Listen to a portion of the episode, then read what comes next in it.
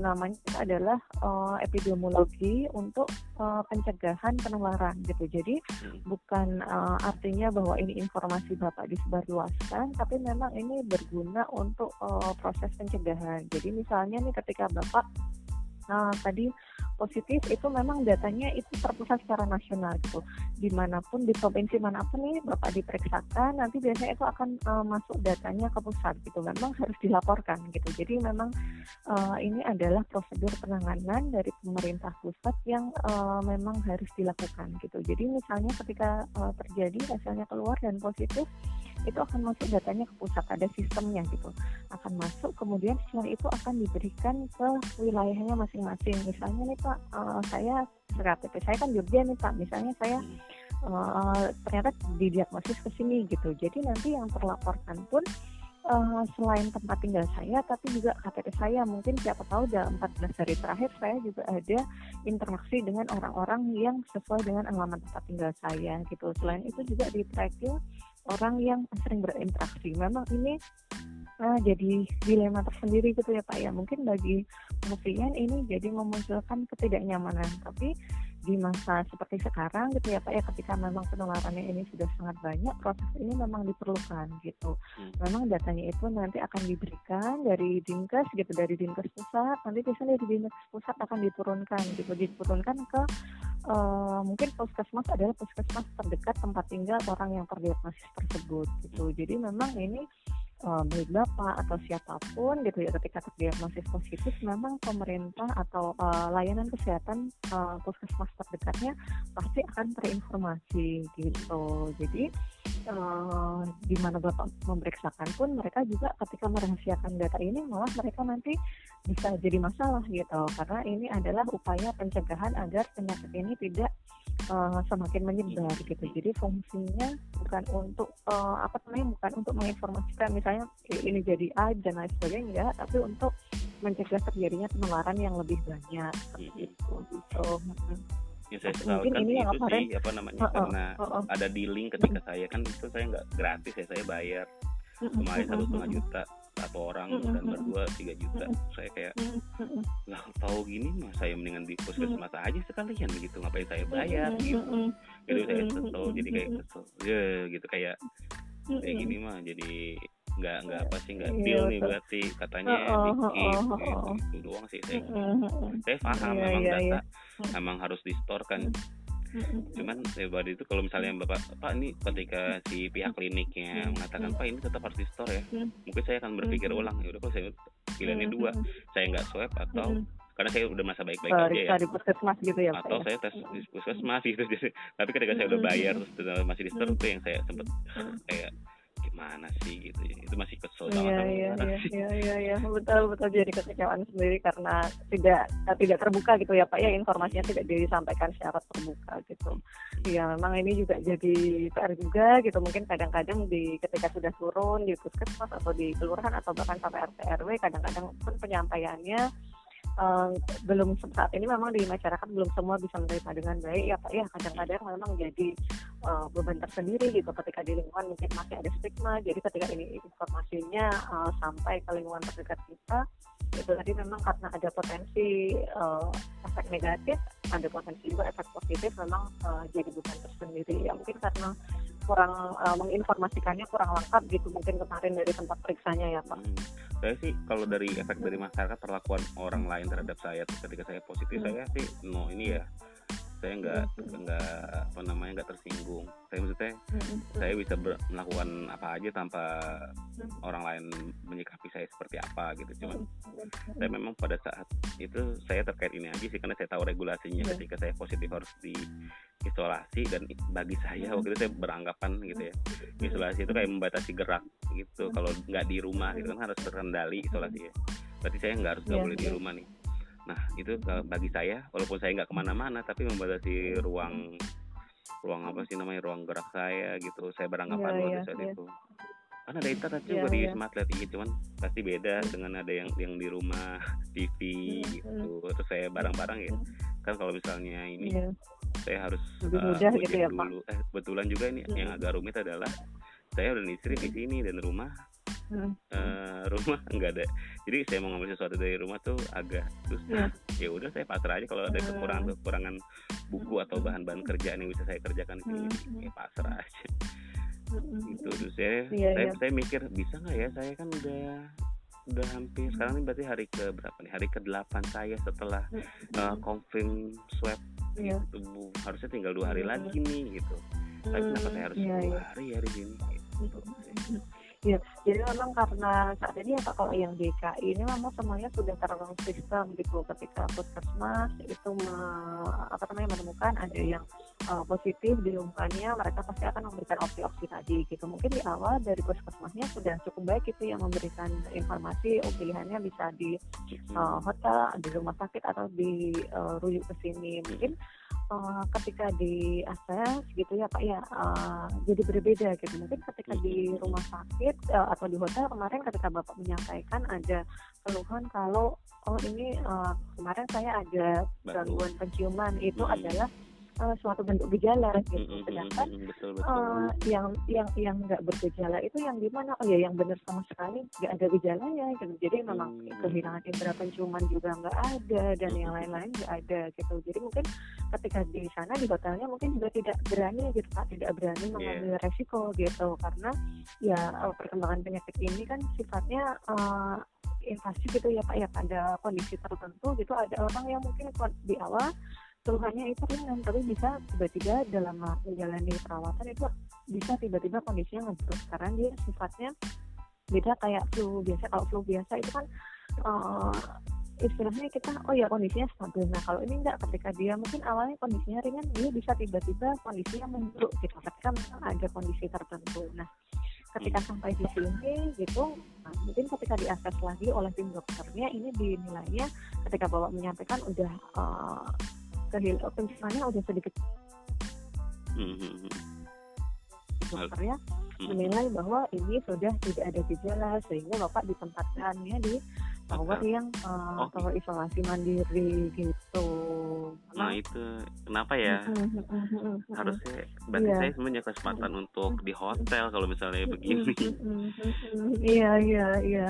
Ya memang kalau misalnya ada kendala tertentu memang perlu dilakukan evaluasi juga dari dokter. Karena ketika pertama kali masuk itu kan ada proses triase ya Pak ya. Ditanyakan kondisinya seperti apa gitu. Kemudian keluhannya apa saja gitu. Yang memutuskan ini memang dari tim dokter gitu. Nah kenapa di sini ditetapkan ditetapkannya bahwa harus isolasi 10 hari gitu uh, ini memang tidak menghitung dari tanggal diperiksanya karena uh, itu tadi Pak mengantisipasi uh, karena di, dirawatnya yang diketahui kondisinya kan selama di sini gitu. Uh, sehingga dinilainya 10 hari itu kalau 10 hari itu tanpa gejala ya itu okay berarti bisa selesai gitu 10 harinya gitu. Tapi ketika dirawat 10 hari ini kondisinya bisa yang uh, dirawat nih Pak di sebelumnya di tower yang tidak ada gejala. Ternyata dalam waktu perjalanan 10 hari itu ada yang hari kelimanya tiba-tiba ada gejala gejala gitu. Jadi ini untuk mengantisipasi uh, kondisi perkembangan penyakit gitu Pak. Kalau misalnya 10 hari itu benar-benar nggak ada gejala ya alhamdulillah bisa langsung pulang tapi di sini pasien-pasien yang tadinya masuk di tower yang tanpa gejala tiba-tiba di hari uh, keberapanya muncul gejala ini juga ada gitu Pak. Jadi uh, ini rumah sakitnya juga tidak ingin mengambil keputusan atau membuat kebijakannya uh, yang sembrono gitu. Ini juga untuk melindungi pasien gitu sih pastinya karena ya itu tadi ini uh, kondisi penyakitnya karena penyakit masih baru juga ada beberapa pasien yang uh, awalnya masuk di sini nggak ada gejala ternyata tiba-tiba ada yang hari ketiganya uh, ada gejala ada yang hari kelimanya tiba-tiba ada gejala dan langsung sesak nafas. Nah itu sebenarnya yang diantisipasi gitu sih pak. berarti langsung dipindah kalau misalnya tiba-tiba ada gejala kayak gitu? Iya iya betul pak. Kalau misalnya ini kan tanpa gejala itu di tower 4,5 nanti tiba-tiba ada gejala nanti akan dipindahkan antara tower 6 atau tower 7 yang saya bingung oh. ketika ketika memang di awal uh, saya bilang ada emang pas sampai saya masuk sudah ada gejala dengan indera penciuman hilang, ada batuk begitu awal masuk saya batuk, tapi tetap dianggap tidak ada gejala ya, itu yang saya bingung sih. Hmm, iya, Apakah ya, itu artinya tidak ada gejala oh, oh. dianggapnya? Oh, oh. Mm-hmm. Kalau ini saya uh, tidak bisa ini ya Pak ya tidak bisa uh, memberikan uh, informasi karena kan uh, saya juga tidak pegang datanya. Sebenarnya yang bisa tahu lebih detail memang di bagian uh, penerimaan atau ketika triase gitu. Kalau misalnya di uh, Bapak berkenan ke bawah mau tanya langsung pertimbangannya kemarin saya dimasukkan ke tempat yang tanpa gejala itu kenapa itu bisa ditanyakan ke uh, penerimaan atau lewat uh, perawatnya juga sampaikan ke perawat saya pengen tahu kenapa saya kemarin dimasukkannya ke sini padahal saya di awal ada gejala gitu itu bisa ditanyakan mungkin nanti bisa hmm. dipandu uh, juga komunikasi dengan dokter yang uh, dokter jaga yang di bawah gitu sih pak saya sih sama kebetulan oh. karena ini ya apa hmm, saya lihat uh, fasilitas perbedaan dengan yang bergejala sama yang tidak. Jadi kalau yang tidak bergejala di tower sini 10 hari uh, tanpa tahu hasil swab terakhir itu hmm. boleh pulang. Lalu saya kayak pengen banget nih uh, setelah itu saya difasilitasi gitu ya. Karena di awal kan saya nggak difasilitasi ya saya bayar ke biaya sendiri. Saya pengen banget difasilitasi kayak uh, harus ada hasil yang oh baik itu setelah itu masih positif atau negatif saya pengen di swab lagi dan pengen tahu hasilnya. Itu sih pengen banget. Uh, karena kan yeah. kalau bergejala di tower yang ada gejala ataupun pasien bergejala itu kan dapat fasilitas itu kalau nggak salah ya saya saya dengar. sementara kita ya yeah, udah 10 yeah. hari kayak di kayak kayak saya anggap kayak saya di apartemen aja. Kayak saya, saya di mana di rumah saya pribadi. Puluh hari aja tuh mana-mana nanti juga boleh keluar lagi. Jadi kayak wah kok begini sih? Jadi kayak yeah, ah, yeah. saya bingung. Gitu. yeah, saya harus di sini? Gitu Ya memang kalau yang ditawarkan tanpa gejala ini kenapa nggak nggak ada swab pulang gitu ya Pak? Ya karena dinilainya ketika nggak ada gejala ini kondisi imun tubuh seseorang itu cukup bagus gitu. Sehingga dinilai dalam waktu 10 hari itu sudah tidak mengeluarkan lagi. Jadi ini pembuat uh, pembuatan kebijakan ini bukan uh, dari rumah sakit ini saja, gitu, tapi sebenarnya itu uh, kebijakan atau aturan dari Kementerian Kesehatan gitu. Memang pelaksanaannya di setiap uh, fasilitas kesehatan itu akan berbeda-beda. Cuman karena rumah sakit ini kan memang rumah sakit yang diselenggarakan dari pemerintah, sehingga memang kebijakannya seperti itu gitu. Untuk pasien-pasien yang tanpa gejala ini memang tidak perlu dilakukan swab pulang karena uh, apa namanya dinilai nantinya pun ketika sudah pulang dari sini kalau udah nggak ada gejala artinya kondisinya sudah baik seperti itu. Nah kalau misalnya apakah nanti uh, bisa dilakukan swab atau tidak, ini memang yang bisa mengambil keputusan nanti dari dokternya gitu. Karena di sini Pak meskipun uh, ketika di tower Bapak ini nggak ada dokter, tapi semua kondisi pasien itu adalah dikonsultasikan dengan dokter spesialis paru gitu. Jadi semua tindakan, apakah vitaminnya apa yang harus diberikan, kemudian tindakan apa yang harus diberikan, itu memang e, dengan kebijakan dari dokter spesialis gitu. Nah, apakah nanti bisa di e, kembali atau tidak? Nah, itu nanti bisa disampaikan ke perawat mungkin perawatnya nanti bisa sampaikan ke dokter jaga biar dokter jaganya yang konsul dengan spesialisnya gitu pak hmm. Jadi Karena, saya harus turun ke poliklinik bawah dulu ya care ini ya. Nanti bisa ditanyakan ke sana, mungkin mereka nanti yang bisa membantu menanyakan gitu, apakah kira-kira uh, bisa dilakukan uh, swab pulang gitu. Cuman pada umumnya sih Pak, pasien-pasien yang pulang dari tower yang tanpa gejala ini, ketika misalnya dirawat itu nggak pernah ada gejala, ketika pulang tidak diswab pun dan ada yang memutuskan melakukan swab mandiri hasilnya juga sudah uh, negatif gitu. Ya, tapi saya pengen Jadi ya, fasilitasi sebagai bahasanya sebagai kompensasi saya awal. Saya mandiri tapi tetap terdata. Apa pun hasil saya positif masih negatif setelah itu saya pengen di swab sih, pengen ya, jadi itu yang bagi saya clear lah. Mau saya di, di awal anggaplah saya sekarang saya alhamdulillah sudah membaik gitu ya. Batuk sudah mulai berkurang Eh, dan penciuman yeah, yeah. juga berangsur udah mulai bisa tapi harus masih tetap harus diendus tapi trennya yeah. lebih inilah lebih bagus gitu. Yeah, yeah. mungkin juga karena konsumsi makanan di sini juga sangat ini banget optimal gitu. Cuman ya itu kenapa jadi saya masih sempat oh, coba saya, saya tanya ke bawah deh kalau kenapa saya waktu itu dianggap tidak bergejala ya? Apakah uh, yang saya rasakan hilangnya indera penciuman dan batuk itu adalah bukan gejala kalau misalnya oh iya, itu bukan gejala pak. Berarti clear sehingga saya berasumsi uh, Zi misalnya besok ada yang nanya kemarin tuh bergejala apa nggak saya nggak bergejala. Saya akan tegas jawab kayak gitu. lah bukannya katanya indera penciuman itu lu katanya kehilangan indera penciuman lah itu kalau kata dokter itu bukan gejala. Gejalanya kayak mana saya nggak ngerti deh. Sampai sesak dulu Iya, apa iya. gitu saya nggak ngerti. Jadi Iya. jadi yang harus clear. Saya saya saya knowledge atau pengetahuan saya ber- berdasarkan experience Hmm. itu saya bisa Hmm. Share cerita itu dengan lebih prudent dan eh, teman-teman juga mungkin setelah saya keluar bisa teredukasi. Kalau kayak gini lu nggak ada Iya, gejala iya. itu bukan dianggap gejala kok naik santai aja. Nanti di sini Iya. lu di 10 hari doang di sini itu kan lebih enak. Dan nggak usah takut-takut kalau misalnya udah itu daripada kayak saya misalnya kalau udah hasil swab ya udah langsung aja lah lapor biar lebih cepat ininya selesainya. Karena kan saya habis swab agak pending dulu berapa lama ya? Empat hari ya empat hari. Empat hari kemudian Iya, baru iya. saya eh, ter apa kalau bahasa kita kalau bahasa kita terciduk gitu terciduk. Dan iya harus iya iya. di sini dan ternyata iya. empat hari yang kemarin tuh bukan dianggap isolasi lah bahasanya. Dianggapnya ya nggak Iya, tahu saya iya. dianggapnya apa dan di terus di awal dimulai dari awal lagi 10 hari dari sekarang. Iya, iya.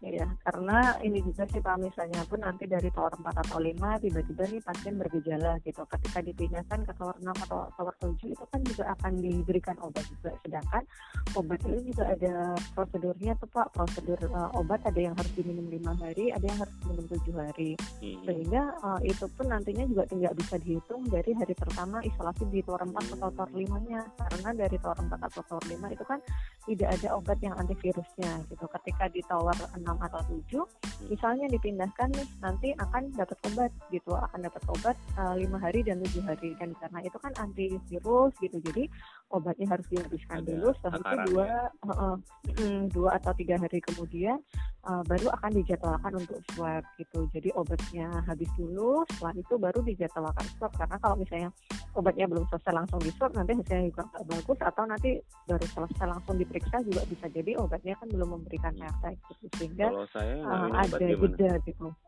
Gimana Pak? kalau saya yang nggak minum obat gimana Eh, kalau nggak minum obat sih kalau di tower 6 dan 7 itu memang eh, dikasih obat Pak karena bergejala gitu. di tower Kenapa? 5 Mm-mm. Oh, kalau di tower 5 nggak masalah Pak, itu kan dengan vitamin gitu. Dengan vitamin karena kalau nggak ada gejala kan artinya sebenarnya kondisi tubuhnya cukup baik. Hmm. Sehingga dengan vitamin saja itu sudah cukup untuk bisa mengatasi kondisi tubuhnya gitu. Hmm. Kalau begitu apakah empat hari yang saya sebelum di Wisma Atlet bisa dihitung sebagai isolasi iso- isolasi gitu? Dan jadi Kalau- saya di sini tinggal nerusin aja. Dan- Kalau di sini tuh belum memungkinkan sih Pak karena kebijakannya memang dihitungnya dari apa pertama masuk gitu. Bukan soalnya saya pernah baca, baca di mana ya di aturan itu eh, bahasanya itu bukan eh, 10 hari semenjak di Wisma Atlet jadi eh, bahasanya 10 hari melakukan isolasi. 10 hari setelah terkonfirmasi positif COVID Mm-mm, mm-mm, nah mm-mm. jadi kalau Iya. eh, eh, apa ini eh, eh, Hmm. peraturan Kementerian Kesehatan yang baru deh Hmm. nggak salah yang nomor 400 Hmm. berapa Hmm. itu saya baca Hmm. 10 hari setelah terkonfirm positif COVID maka wajib isolasi 10 hari jika tanpa gejala Hmm. maka bisa langsung eh, selesai melakukan isolasi mm, jadi di situ Iya. gak ada bahasa di Wisma Atlet sih. Makanya saya yang tanya itu gimana ya Iya, iya, iya. Ya memang ini nanti yang bisa mengambil kebijakannya itu dari dokternya ya Pak ya, gitu. Tetap karena kalau di sini kepulangan pasien nanti dari dokter spesialis eh, parunya gitu, yang eh, dokter penanggung jawabnya kan dari dokter spesialisnya gitu. Jadi kondisinya seperti apa gitu. Kenapa di sini kalau ditetapkan kenapa harus 10 hari di sini gitu? Karena kan memang Mm-mm. pasien beda-beda tuh Pak masuk ke sini kapan sehingga kalau misalnya nanti setiap kali masuk di sini kita harus mengecek oh ini eh, apa namanya eh, dari diagnosisnya kapan. Kemudian misalnya awalnya nggak ada gejala oh dari gejala itu Mm, berapa hari harus ditunggu itu. Sehingga untuk eh, agar di sini tersistem dengan baik sehingga semuanya dari awal di sini adalah 10 hari ketika awal masuk di sini. Tapi kalau misalnya bapak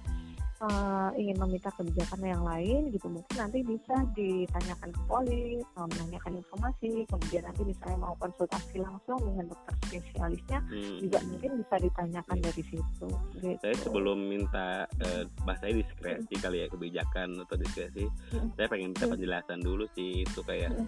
10 hari kenapa terus hmm. saya itu bergejala atau tidak sehingga nanti saya cerita ke teman-teman tanya tuh enak pasti kan nanti bingung kalau misalnya temen kan udah pada tahu kan kalau tower 5 itu tidak bergejala. Terus pas aku bilang e, gimana Gus kemarin? Bergejala nggak? Bergejala karena batuk sama ini. Tapi kalau di tower 5 Nah, aku saya tuh nggak pengen pas keluar tuh saya masih bingung dan nggak tahu juga deh. Jadi kan presiden yang saya kan juga di bagian pemerintahan juga, jadi kayak saya harus clear dulu nih biar nggak ada salah paham di saya pribadi maupun nanti orang masyarakat terimanya uh, berbeda gitu. Iya, iya.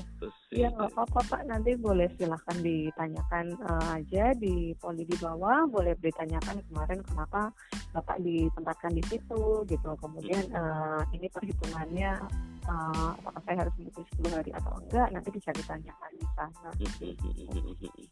Baik deh gitu. Gitu ada lagi Pak Gosi yang mau ditanyakan atau itu, disampaikan? Itu aja sih tadi pertanyaan-pertanyaan coba hmm. saya klarifikasi.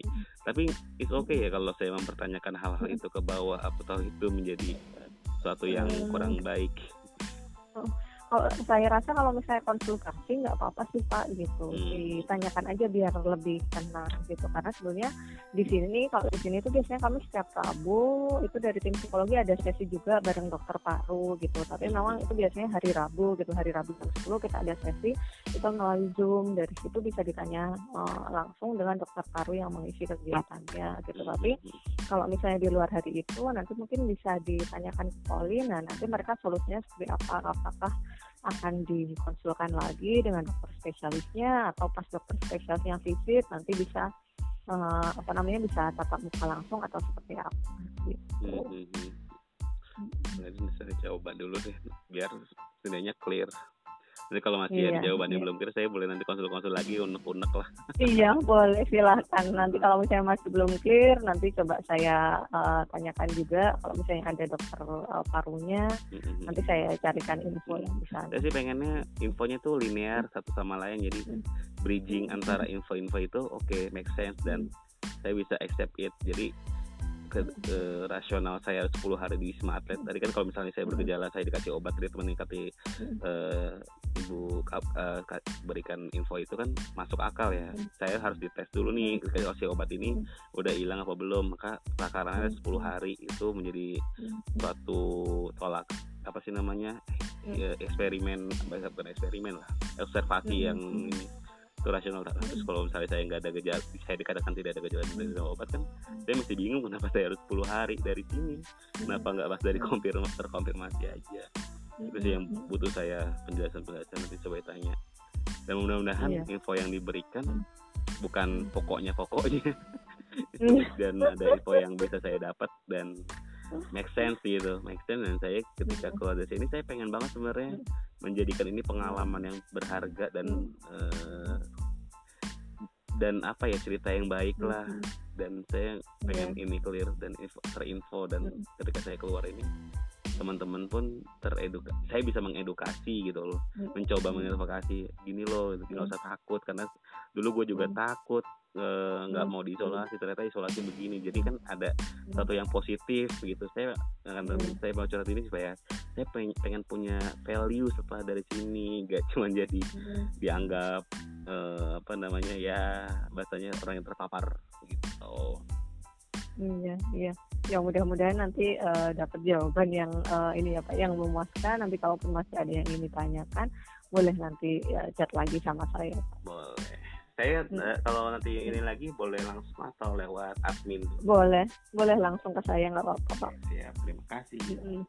iya terima kasih pak selamat ya. siang ya.